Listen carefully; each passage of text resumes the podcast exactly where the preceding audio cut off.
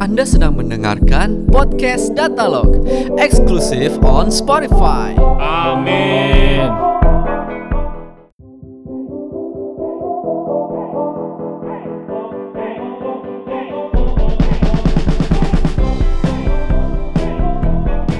Pak, Hei, Pak, hei. nonton mulu. Podcast podcast dulu. Apa? Yang kan tadi lu bilang ada yang mau dibahas. Emang gua yang bilang? Iya, yang kata lu apa tuh lu ngikut webinar apalah itu.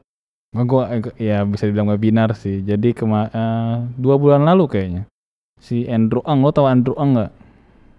Eh familiar sih namanya. Cari di Google ya. Iya, Nah, jadi iya. Andrew Ang ini eh, dua bulan lalu kalau nggak salah. Jadi dia ngadain webinar. Mhm. Webinarnya tuh eh, tentang kualitas model sih bisa dibilang secara garis besar. Oke.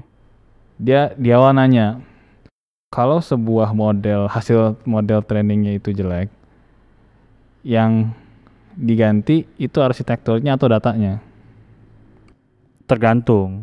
Tergantung Seperti apa? jawaban standar gua. Tergantung maksudnya dari sisi kualitas modelnya itu sendiri apa dari performance-nya. maksudnya kualitas atau performance itu bedanya apa ya ya gak tau ya gue kalau dari sisi engineering sebenarnya ada bedanya kayak ngomongin kalau kualitas itu kan ya mungkin ini terms gue aja sih bisa jadi sebenarnya di luar termsnya beda. Kualitas itu lebih dari kayak misalnya confusion matrix model lo Oh, uh, full oke. false positifnya gede. Ya ya ya ya. Uh, sedangkan kalau ngomongin performance itu kayak uh, untuk hasilin modelnya itu sampai jadi lu butuh waktu sekian jam yang di luar ekspektasi lo gitu.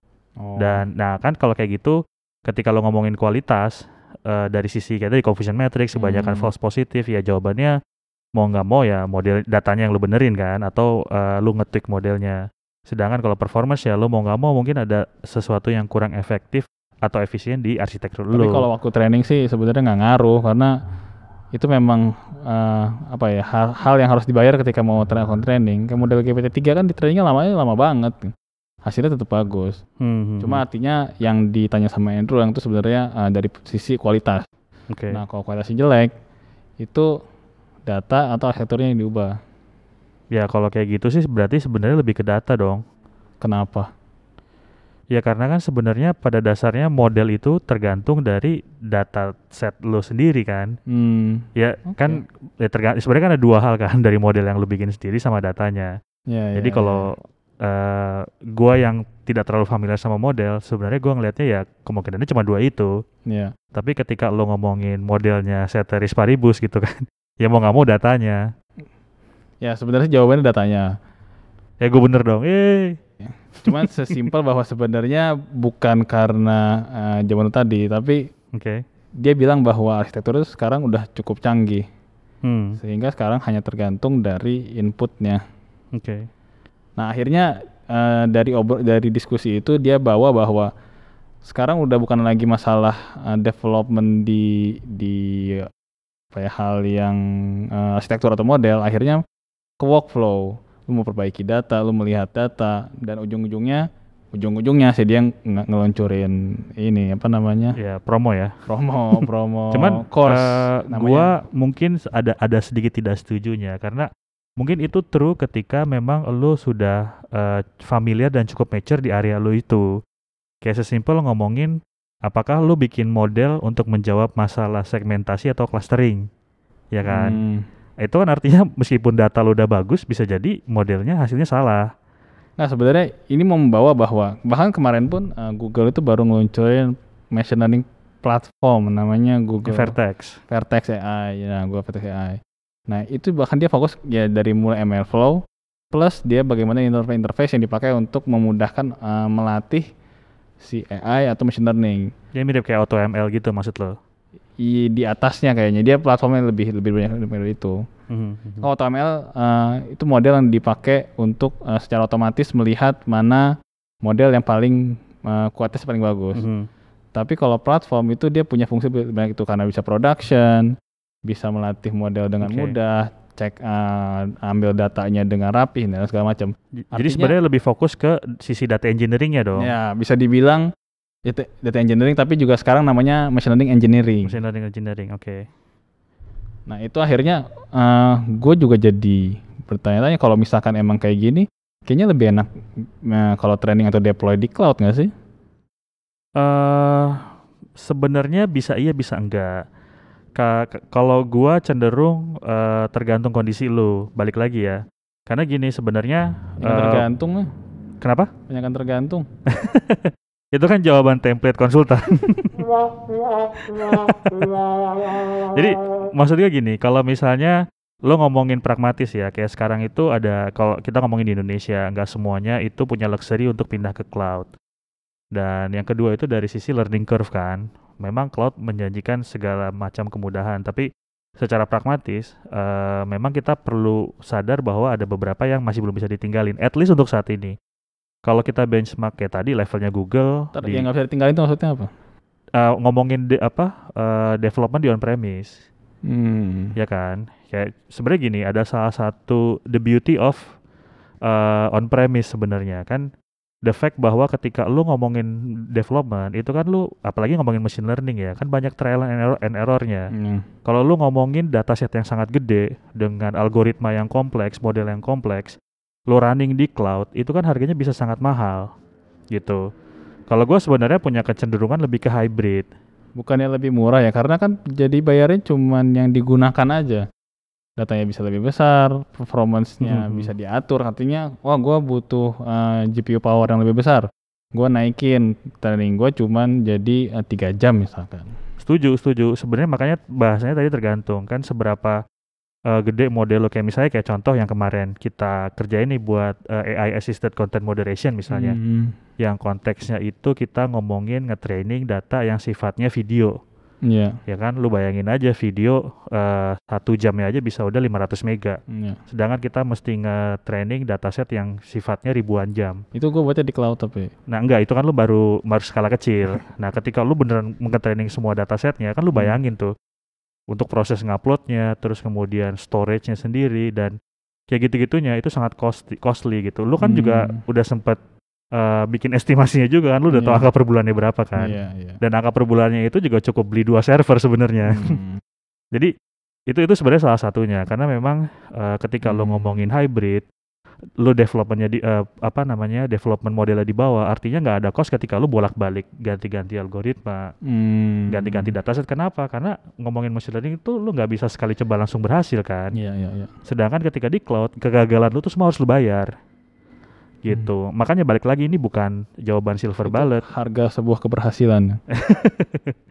Tadi dong wak wak wak. Nah, masa gua doang? ya jadi tadi gue lupa mau ngomong apa jadi sebenarnya itu eh, balik lagi ya gue tidak mengeneralisir case tapi apalagi kayak misalnya kebanyakan sekarang kan punya legacy hardware jadi itu bisa lu pakai nah cuman kalau ngomongin the beauty of cloud di machine learning itu bisa dipakai buat production kayak misalnya kita Hmm. ngomongin eh, deploy serverless semuanya Ya, udah lu eh, containerize lu bikin model API Hmm. yang nanti bakal eh, nge- ngeluarin result ketika lu dipanggil aja. Hmm. Kayak case kemarin yang kita ngerjain machine learning credit scoring buat eh, apa? multi finance yang Hmm. jaringannya si Indonesia gitu kan. Hmm. Kalau ya memang karena kan ngomongin FSI masih harus on-prem ya. Cuman coba lu bayangin kalau di cloud gitu. Lu taruh modelnya di cloud, semua cabang seluruh Indonesia tinggal ngehit API-nya. Kan lebih enak dibanding Hmm. lu mesti beli server yang terpusat dan semuanya harus punya VPN. Lu bayangin aja. Lu punya ratusan cabang tersebar di seluruh Indonesia, lu create VPN satu-satu, Hmm. ya maintenance-nya aja udah headache gitu. Tapi kalau lu taruh cloud kan sebenarnya ya udah. Lu tinggal ngasih akses kredensialnya masing-masing sebenarnya simple. Ya meskipun kadang-kadang butuh VPN anyway juga sih. Iya iya iya. Oke. Lebih ke situ sih. Tapi kalau gua sih buat develop yang buat produk kita, gue sih lebih suka tetap suka di cloud. Oh kalau itu sih iya, gue setuju. Karena menurut gua fleksibilitasnya sangat membantu ketika di proses development. setuju, setuju. Karena kan eh, proses di kita kan kita prototyping dulu. Mhm. Jadi skala kecil, ketika kita eh, mau scale up, itu kita nggak banyak yang kita configure dan eh, itu bisa dilakukan dengan mudah dan cepat. Setuju banget. Karena gini, eh kan tadi kita berbicara meskipun agak klise harga sebuah kegagalan gitu kan. Karena ketika lo ngomongin deployment machine learning atau AI, kalau kita ngomongin di eh, end user di sebuah enterprise, eh Enterprise maksudnya end user tuh perusahaan. kayak klien-klien kita Iya, lah oke. maksudnya kan buat mereka itu ada learning curve juga. Hmm. otomatis artinya har- quote unquote harga sebuah kegagalan tadi itu kadang-kadang udah sesuatu yang given. Hmm. sedangkan kita sebenarnya kan memang itu kita sudah terbiasa melakukan itu gitu. Jadi tim-tim kita kan juga memang ya itu udah makanan sehari-hari lah gitu. Jadi ketika lu main-main di cloud sebenarnya udah lebih enak gitu. Jadi sebenarnya memang buat enterprise enterprise yang dengerin better memang pakai vendor kayak kita. Maksudnya gitu ya pesan sponsor ya. Hmm. Ya udah, capek gua pengen main pingpong aja. Ntar dulu, ini kan kita belum clear nih bahasnya. Sebenarnya kan dari di luar eh, ngomongin cloud ataupun on premise, lebih ke kalau gua ngelihatnya ya developmentnya itu sebagai platform yang lebih mature. Kayak sesimpel tadi kan lu sempat mention Vortex AI, yang, Vertex. eh Vertex sorry, Vertex AI. Itu gua ngelihatnya bisa jadi sesuatu yang groundbreaking. Meskipun awalnya di Google ya kan biasanya juga satu bikin yang lainnya kan ngikut nih. Iya. Kenapa? Karena gue ngelihatnya akhirnya saat ini barrier untuk ngerjain machine learning itu susah. Kenapa? Karena coding banget. Iya. Banyak banget learning curve yang pertama lu mesti ngerti coding. Eh, Hmm. Misalnya kayak contoh lu pilih bahasa mau pakai Python, lu mau deploy-nya di Spark, lu mesti ngerti Spark-nya at least dari sisi engineering-nya. Hmm. Terus lu mesti ngerti dari sisi statistiknya, eh, bagaimana framework machine learning-nya.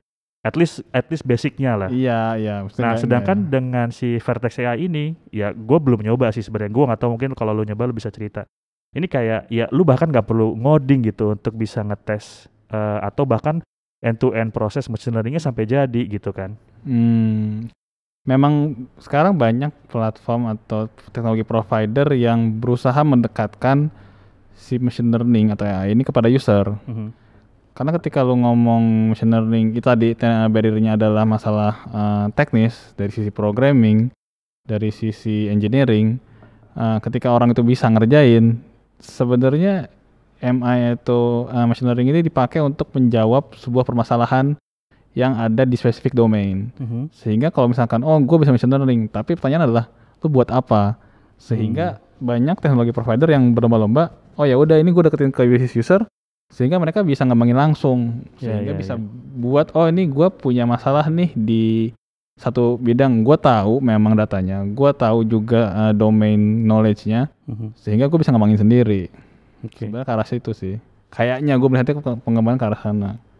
Oke, berarti sebenarnya eh, semakin banyak orang yang bisa implementasi AI dan machine learning in-house ya. Iya, menurut gue ke depannya bakal gitu. Berarti kita mesti mikir ini ya, pivoting bisnis lagi ya. Yo, iya. ya udah kalau gitu, ya udah kalau gitu kita main pingpong dulu aja.